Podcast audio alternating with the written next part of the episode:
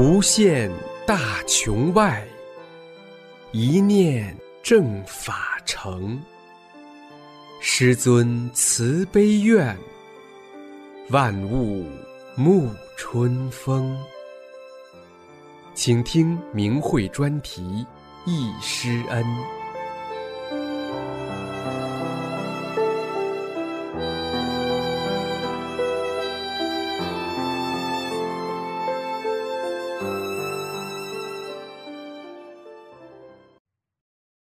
请听明慧易师恩专题文章。复活节来临，瑞典学员易师尊传功讲法。文章发表于明慧网，二零二一年四月三日。明慧记者和平瑞典采访报道。复活节在瑞典和西方国家是仅次于圣诞节的隆重节日。这个给生命带来希望的节日，对于瑞典的中西方法轮功学员来说，也是意义非凡。这背后有什么故事呢？二十六年前，一九九五年四月复活节期间，定居在瑞典哥德堡的中医师王医生邀请到法轮功创始人李洪志大师亲自莅临瑞典传功讲法，在哥德堡举办七天讲法教功班，让这里的民众第一次听到了法轮功。二零二一年复活节来临之际。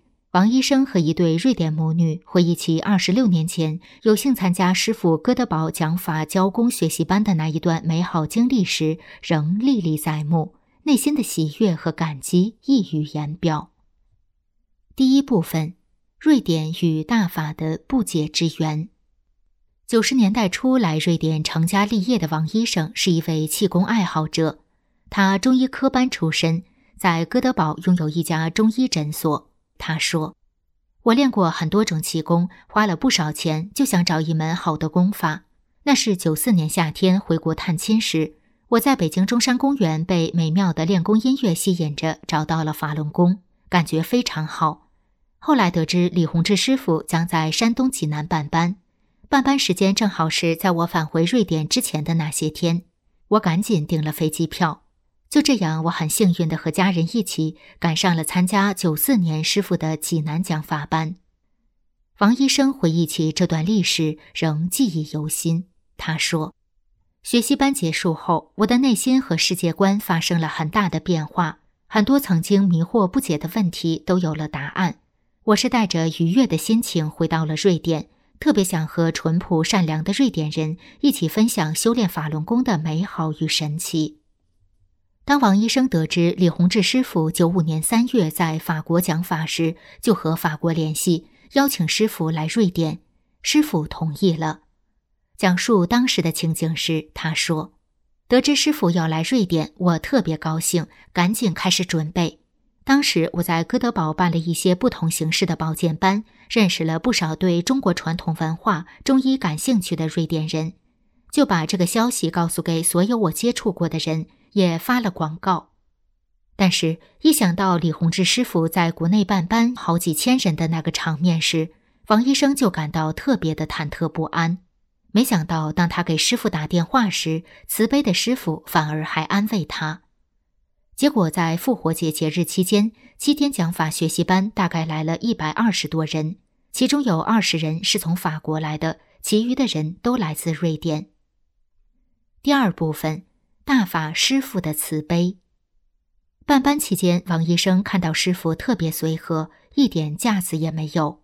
他回忆道：“师傅来瑞典时，手里还提着一箱从法国带过来的方便面。师傅不愿意麻烦学员，总是为别人着想。每次讲课前，师傅都是早早的就到了，穿着整齐干净。为了尽可能的让新人学员听得明白，师傅总是反反复复的讲。”耐心的解答学员的提问，直到大家听明白为止。五套功法都是师傅亲自给学员做演示，然后再一个一个的帮着纠正动作。有时一个人要纠正好几遍。在离开瑞典、临上机场前，师傅还到练功点看望学员，帮助纠正动作。师傅心里时刻想的都是他人。还有一件令王医生印象深刻的事情，他说。办班期间，由于人手少、事情多，加上那时我对什么是真正修炼的理解还很肤浅，有时回答学员的一些问题时，就显得有些不耐烦。一天，师傅把我叫到一边，严肃地给我指了出来。当时我就知道自己错了，特别的后悔。他感慨道：“现在当我做的不够好时，师傅的谆谆教诲就在我的耳边响起，提醒我该如何善待他人。马上我就知道自己哪儿做错了，赶快改。”第三部分：幸运的瑞典母女俩。在幼儿园工作的安娜和她的妈妈克里斯汀娜母女俩是土生土长的瑞典人。当年法轮大法创始人李洪志大师的教工班也给这对母女俩留下了深刻的印象。回忆起二十六年前的情景时，安娜说：“那时我正怀着我的女儿，离预产期大概还有一个月。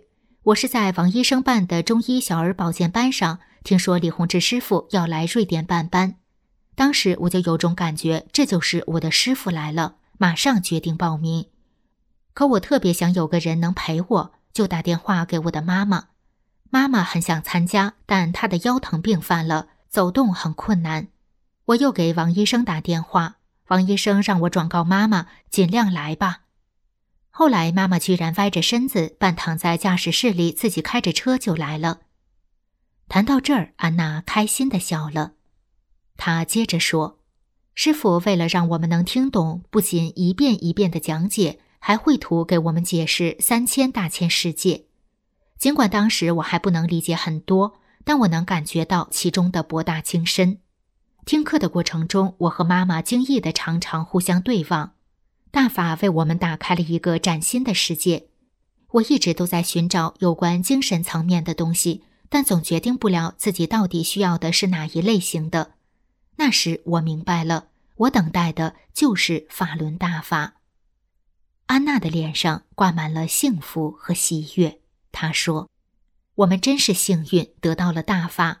在大法修炼的这条路上，我明白了生命的意义，学会了向内找，时刻得到师傅的保护。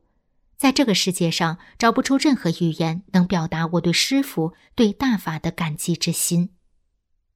然而。”自一九九九年七月二十号开始，中共制造谎言污蔑大法，安娜很痛心。她说：“我认真考虑过了，这个大法这么好，没有人能阻挡得了我。这个迫害我是完全不能接受的。我想向全世界大声的呼喊，告诉人们法轮大法好。我希望人们能静下心来，好好了解一下法轮功，不要被中共的谎言欺骗。”第四部分，功法不一般，大法显神奇。七十五岁的妈妈克里斯汀娜皮肤细嫩光滑，总是那么神采奕奕。她特别感谢大法师傅安排女儿安娜找到了自己。她回忆道：“记得当时我接到安娜的电话时，就感觉有一位大师会出现在安娜的人生路上。我一直也在寻找师傅，当时腰痛折磨我十多天了。”但我实在不想由于身体的原因失去这个机会，后来就忍着疼痛歪歪扭扭来了，路上开了三个小时呢。说到这里，他开心的笑了，掩饰不住内心的喜悦。克里斯汀娜还说：“我对师傅讲的那个瓶子与脏水的比喻记得非常清楚。师傅讲的法翻译的不太准确时，师傅都知道，于是师傅就反复的讲啊画呀。”虽然我说不出来，但心里都明白了。学员提的问题都很低，甚至多少有点愚蠢。师傅总是慈悲耐心的做解答。世上从来没有人能把生命宇宙解释清楚，只有我们的师傅。他回忆道，在学习班期间，师傅打出很多很多纯净透明的光，都是非常非常强的能量，帮我们调整身体。我的注意力一直跟随着师傅的引领。令人开心的是，学习班结束后，我心情愉悦，身体一身轻，端坐在驾驶室里开着车，很轻松的就到家了，跟来时的那个感觉完全不一样了。那个困扰了我半个多月的腰疼，也不知道什么时候消失的。他不停的笑着，眼中泛着感激的泪水。他说。我明白，这是师傅帮我从心灵深处清理了身体，师傅是来真正拯救我们的。这个功法不一般，我对师傅的感恩无以言表。得法后的克里斯汀娜在日常生活中尝试着遵循真善人的准则为人处事。这次没做好，下次做好；遇到矛盾找自己。逐渐的，她不仅身体越来越好，脾气性格也发生了改变，让还没修炼的丈夫莱夫很是惊讶。克里斯汀娜接着说：“我告诉他是这本书改变我。”后来莱夫就开始看转法轮。他一看大法这么好呀，自己就主动学练功动作，也开始修炼了。他还戒掉了几十年打猎喝酒的嗜好。如果来夫不修炼大法，这对他来说是不可想象的。大法很神奇，真是太好了。结束语。就这样，二十六年过去了，越来越多的瑞典的中西方民众走进了法轮大法，在大法中修炼，不断的升华。他们一起努力传播真相，让更多有缘人了解法轮大法的美好与殊胜，不辜负师尊的慈悲救度，是他们共同的心愿。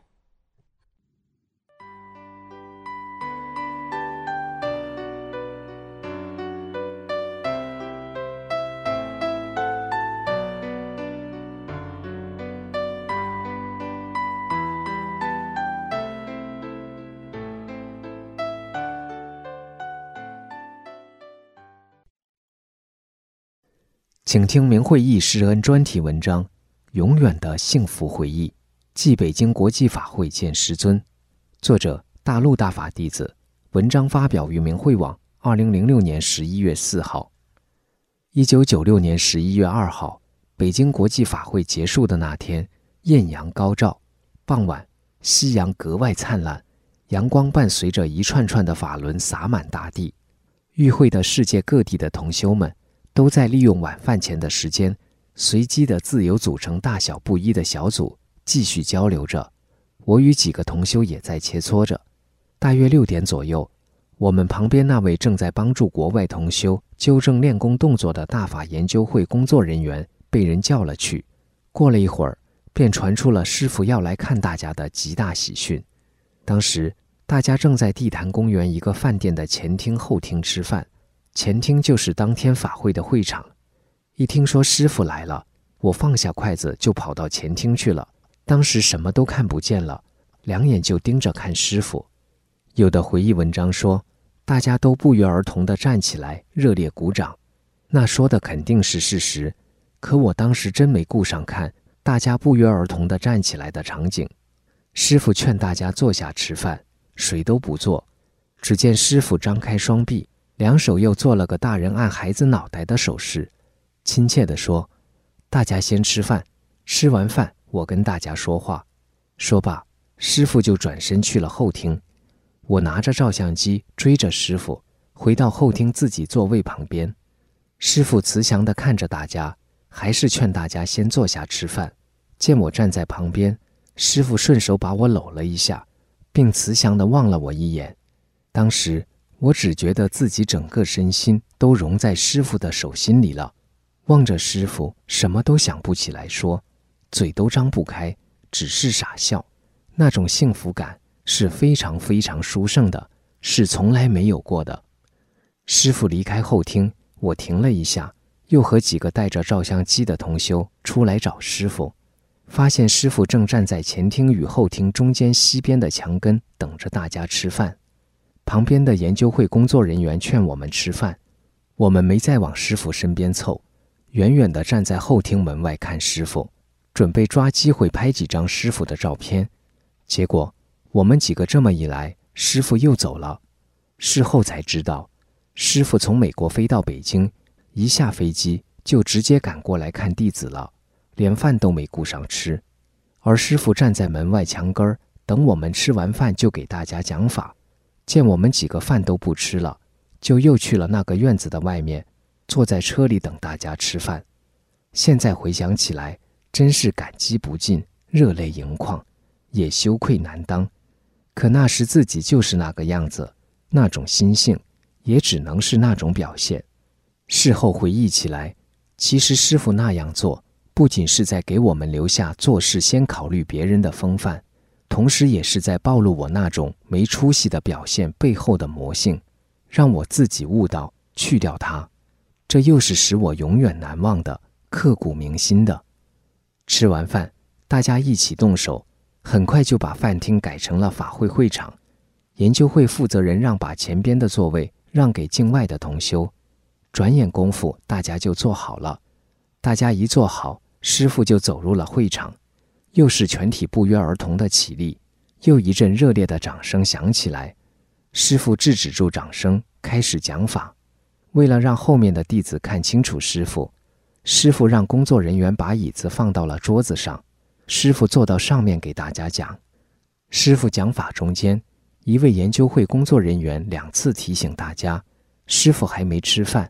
要请师傅结束讲法去吃饭，师傅推辞了，坚持给大家讲法，并说以后可能没机会讲了。当时我又想多听，又想让师傅吃饭，可想听师傅讲法的愿望更大些，心里就嫌那位工作人员多嘴。师傅讲完法后，一边往外走，一边和拥过去的弟子们握手告别。我在一边等了会儿，心想先让前边的同修和师傅握吧。后来怕错过机会，也凑到边上跟师傅握了一下手。回家的路上，几个同修坐在公共汽车里，一起回忆见到师傅时的情景，完全沉浸在无比的幸福之中。接连好几天，我都觉得自己的脑袋空空的，特别美妙。转眼十年，在修炼和正实法的路上，摔摔打打、跌跌撞撞地走到今天，每一步。都是在师傅的呵护下走过来的，在遇到困难和危险的时候，自己一想起见到师傅，尤其是感到融在师傅手心里的情景，心底就涌起一股热流和无穷的力量。这一幕也曾有几次想写出来，但由于各种执着的障碍，都没写成。现在我从中悟到，让我有那种无限幸福的感受，不仅仅是催促和点悟我精进。同时，也是让我把这种幸福和感悟与大家分享。其实，我们每一个大法弟子都一直在师傅的手心里。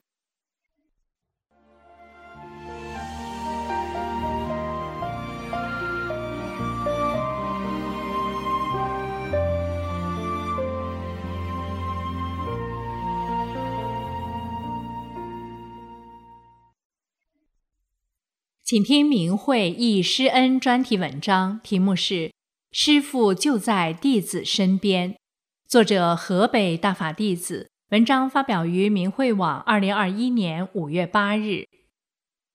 一九九四年三月，我有幸参加了师傅在石家庄举办的法轮功学习班。在前两天师傅的代工报告会上，我被当地气功协会。安排在会场讲台上的台阶口处，负责阻止人们上台接近师傅，影响师傅讲法。我站在讲台的台阶口处，双手结印，看着师傅，静静地听师傅讲法。我感觉时间静止了，空间静止了，静静的，只有师傅讲法的声音在空中回荡。师傅讲法两个小时。我一动不动，双手结印，站了两小时，我没有累的感觉。当时我像站在冰窖里似的，两腿膝盖以下冰凉冰凉的，但不觉得冷。从那以后，我再也不怕冷了。师傅的讲法结束后，我走出会场，感觉哪儿都不一样了，天也比以前漂亮了。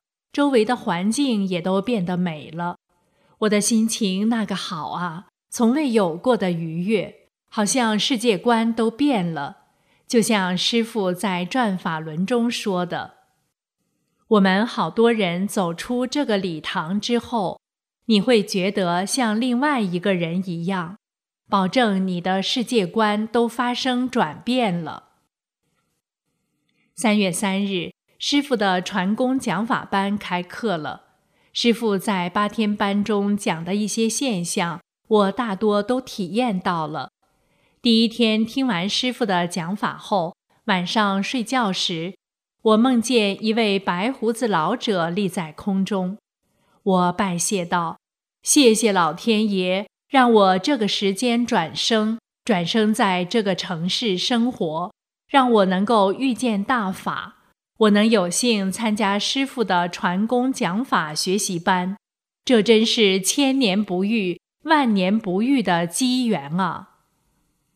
师傅讲了，给每个学员都下法轮之后，我回到家里，躺在床上，就感觉天旋地转，屋顶都在转。我觉得自己躺在一个大圆盘上，整个身体都随着大圆盘子转，速度非常快，转得我头晕的不敢睁眼。师傅在转法轮中说：“有的个别人还会睡觉的。”我讲完了，他也睡醒了。为什么呢？因为他脑袋里边有病，得给他调整。脑袋要调整起来，他根本受不了，所以必须得让他进入麻醉状态。他不知道，我就出现了上课睡觉的状态，因为我以前经常被三叉神经痛折磨，那种疼痛的感觉。没有经受过的人是不知道的，真的是痛不欲生。有一次我牙疼，脸肿得老高，头、太阳穴、眼睛一跳一跳的疼，疼得我一宿都没睡觉，吃了四片止疼片也没管用。我在地上转圈，一边走一边用头撞墙，咚咚的响。我心想：这么痛苦，还活着干啥？死了算了，当时真是死了的心都有了。我在传法班上，师傅让我睡觉，给我调整、净化了身体。在修炼法轮大法之前，我的年龄不大，毛病不少，心肌炎、气管炎、吐血、肺炎等，感冒发烧更是家常便饭，几乎是每个月都要来一回，孩子也抱不了。刚抱起孩子，没走几步，就从头顶、脖子、肩膀到整个脊椎，抻得生疼生疼的。而且我还不能打针输液，对药体药液过敏。从参加师傅传功讲法班的那一天开始，我的这些病痛症状全部都消失得无影无踪。我知道这些都是大法师傅给我的。我非常感恩师父，感恩大法。得法后，我每天都沉浸在修炼的幸福快乐之中，就愿意学法，就愿意练功。午休时，我先练一遍动功，然后吃午饭。晚饭后，去同修家参加集体学法，大家交流修炼心得体会。回到家十一点了，开始练静功。夜里睡觉，不论是几点，只要一醒，爬起来就练静功。经常是三四点起来打坐，然后去练功点参加晨练。在节假日，只要我有时间，就参加大型的集体练功弘法活动。一次，我偶尔看到一篇文章，说是常吃避孕药易患乳腺癌和宫颈癌。就想起了自己体内还有两节装有避孕药物的塑料管，我犹豫着是否去医院手术取出。晚上学法时，看到一位弟子问师傅，是否需要取出从前未做化疗时放入我体内的一个人造血管装置？咦，这不就是我要问的吗？师傅在加拿大法会讲法中说。你以前做了什么手术，做了什么，你都不要再管了。你只要做一个真正修炼的人，什么可能都会发生。我们以前有的修炼人，他腿里边装了钢钉、钢板，换了骨头，甚至换了一些零件。后来他发现不翼而飞，而他的肢体却完好无损了。谢谢师傅，我知道师傅就在弟子身边保护着弟子。时间飞逝，岁月如梭。我已经修炼了二十多年，每当我精进时，就会感到师父就在我的身边。师父赋予了我全新的生命。